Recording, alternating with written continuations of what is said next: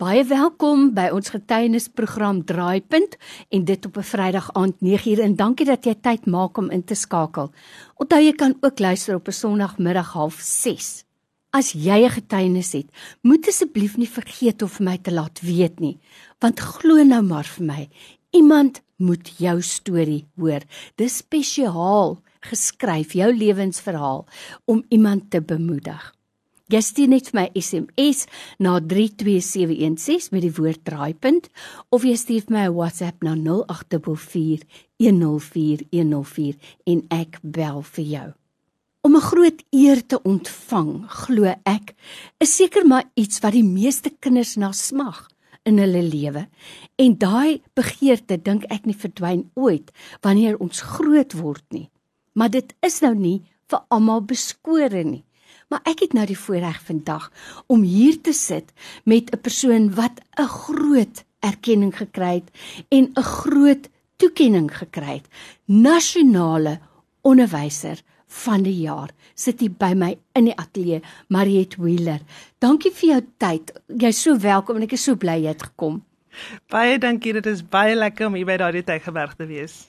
Jy weet Mariet, om so 'n toekenning te kry is nie eendag se werk nie. Dit is maar volhoubare, konstante toewyding.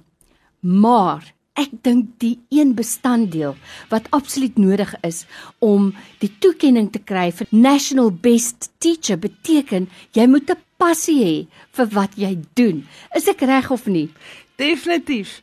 Want mens kan in die klas gaan staan en jy kan na die handboek lees of jy kan jou passie, jou rede hoekom jy besluit het jy wil daai spesifieke of dit nou lewenswetenskappe is of marine sciences soos in my geval en of jy 'n taaljuffrou is en of jy 'n geskiedenisjuffrou of kunsjuffrou is, daar's 'n rede hoekom jy dit gekies het want jy is lief vir daai vak. En as jy nie daai passie gaan inbring klas toe nie, gaan die kinders net oor die handboek. So hulle moet sure. jou dit sien uitlewe. Jy weet dit is so 'n belangrike ding wat jy sê en ek glo dis hoekom baie mense alles hulle al grys kan sê daai meneer of daai juffrou dit het 'n blywende indruk op hulle gelaat. Vertel net gou vir ons van marine sciences, waaroor gaan dit? So marine sciences is 'n nuwe vak wat in 2020 gepilot is deur die Two Oceans Aquarium, die twee skrywers meneer Russell Stevens en meneer Xavier Zilstra van die Two Oceans Aquarium Foundation, Education Foundation. Hulle is die skrywers van die kurrikulum.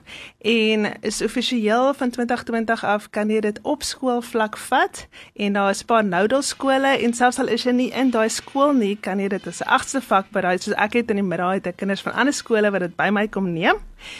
Of jy kan dit aanlyn by die Two Oceans Aquarium op elektronies. So mense hoef nie eens in die Kaap te wees om dit spesifiek wow. te neem nie en daar is nou ook dit begin hier in die Kaap, maar nou al gesprei Weskaap toe en in Natal toe en dit gaan oor die marine biologie wat my passie is want ek is oorspronklik 'n marine bioloog uh, met my doktoraal gedoen om op Marion Eiland met pikkewyne en albatrosse wow. en robbe te gewerk het wat fantasties was. Uh, maar dit bring ook jou chemie, jou fisika soos die see sout. Maar hoe hanteer die diere daai soutwater en dan ook jou weerspatrone en jou golwe en het jy geweet mens skryf water jou currents van die wêreld kry jy weet soos by die Tanga Junction was al hierdie joyrides ja ja. Nou imagine vir 'n oomblik 'n druppeltjie water wat van daar bo in die noorde af gaan op 'n groot rollercoaster. En as dit sou terugkom waar dit begin het sal dit 1000 jaar later wees. Sien jy nou hoekom jy national best teacher is? Dis daai passie vir jou vak. Weet jy Mariette terwyl jy praat dink ek daaraan dat dit so nodig is dat ons in die tyd waarin ons lewe hierdie vakke vir ons kinders moet aanbied want ons moet goeie rentmeesters wees van die planeet. God het ons immers mos nou gestel as opsigters van hierdie planeet waarin ons lewe. Nou as jy sopas ingeskakel het, ek gesels met ja, dokter Mariet Wheeler. Sy is pas aangewys as National Best Teacher en haar vakgebied is marine sciences. Nou Mariet, soos ek aan die begin gesê het, dit word nie oornag gebore dat jy nasionale beste onderwyser word nie. Dis maar konstante harde werk en toewyding. Maar watter plek het geloof veral in jou vakgebied as jy die skepping so bekyk want dis waarmee jy jou op 'n daaglikse basis besig hou nie waar nie. Ja, dit is vir my is dit onmoontlik om na die natuur te kyk en ek sien 'n pikkewyn wat soos my my passie is waarmee ek baie werk gedoen het of ek sien hoe 'n albatros oor die see vlieg en dan moet 'n God wees wat alles so perfek, elke veertjie in plek, elke kleur en hoe 'n diertjie deur 'n spesifieke kleur gekamofleer is en inpas wow. in die omgewing. Daar moet 'n God wees met 'n verskriklike groot verbeeldskrag om alles is nie net in swart en wit gemaak nie, alles is baie baie uniek en as jy in die genetiese vlak soos in lewenswetenskappe wat ek ook aanbied ingaan elke liewe ding het 'n spesifieke hoe dit inpas.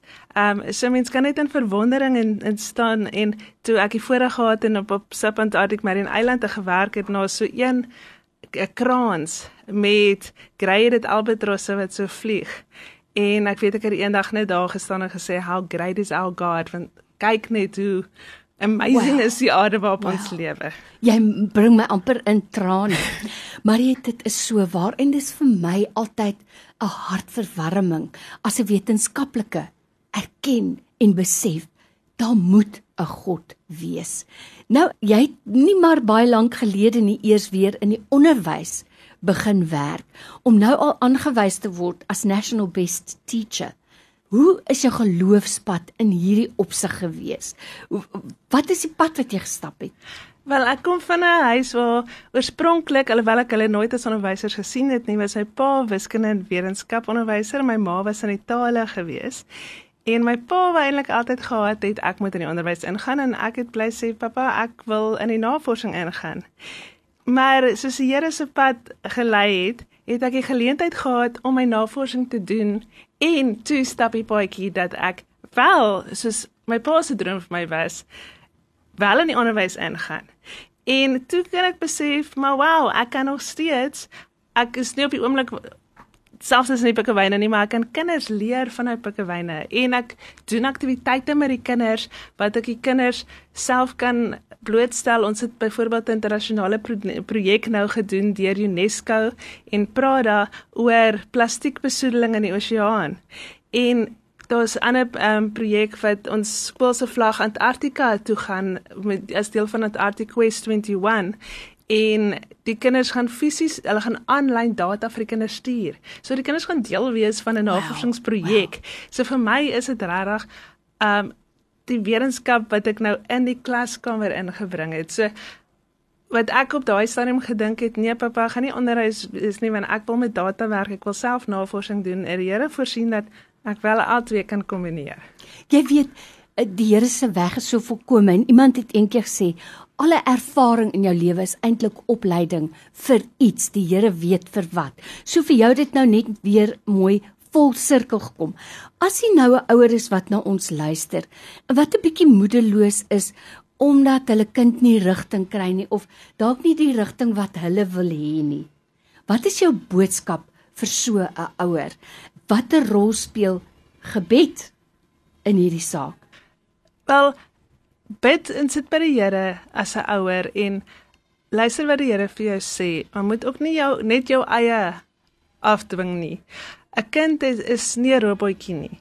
Soveel soos wat jy dalk jou eie wat jy in jou lewe sou wou gehad het of vir die kind wil gee.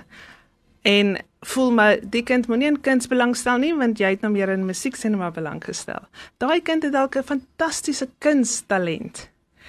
En wie weet dalk kan dit eers in die toekoms wel met kuns en musiek saam kan kombineer, maar jy gaan die kind baie depressief maak as jy bly aandring die kind moet A doen terwyl die kind actually 'n super talent en die Here se talent wat die Here van daai kind gegee het is B. So sit by die Here, leer ken jou kind, spandeer tyd saam met jou kind. Ek dink ons almal weet dit's hektiek op die oomblik veral met met COVID. Dis almal aan die rondhardloop en probeer cope maar spandeer tyd met jou kind, leer jou kind self ken en Maak oop jou oë en kyk wat doen jou kind, waar stel jou kind belang? Ek dink jy's nou vir ons 'n lewende voorbeeld daarvan, nê. Die Here het 'n lang pad met jou gestap om jou uiteindelik te bring waar hy jou wil hê, want nou kan jy werklik waar die volgende geslag jou die Here se imprint op hulle lewens lê oor sy hart vir die skepping. Ek is so bly dat iemand soos jy daar is wat nog besef ook dat dis onmoontlik dat hierdie dinge kan bestaan sonder 'n groot God wat agter dit sit. Ons is gebless om sulke onderwysers te hê soos jy. Dis Mariet Wheeler hier by my in die ateljee. Mariet net 'n slotwoord van jou af en ek sê vir jou so dankie vir jou tyd. Ek weet hoe besig is jy. Ek kan net die Here loof en prys wat elke dag saam met mense deur die pad stap. Um, ek het al soos ek gesê het voorreg gehad om op Marion Island te geloop het, maar daar was ook moeilike tye in my lewe gewees en die Here het my daardeur gedra en partykeer nou as ek terugkyk, dan weet ek hoekom het die Here my in 'n moeilike situasie wow. deurgedra. Wow. Want as dit nie daarvoor was nie, het ek dalk nie wat ek nou kinders mee kan help met moeilike persoonlike goed as 'n kind na my toe kom en sê juffrou dit en dat het met my gebeur dan kan ek uit eie want ek was self al in moeilike situasies wow. die kind lei. So dankie aan die Here. Wat 'n wonderlike getuienis is dit nie. Nou jy gaan baie sien van haar en hoor van haar Dr. Mariet Wheeler. Sy is National Best Teacher. Ons is trots daarop om haar hier in ons omgewing te hê en net die feit dat jy self kon inkom na die ateljee is vir my so 'n verblyding man. Baie dankie. Ons waardeer dit. Baie dankie vir die voorreg om hier te kon wees. Die Here seën jou. Dankie.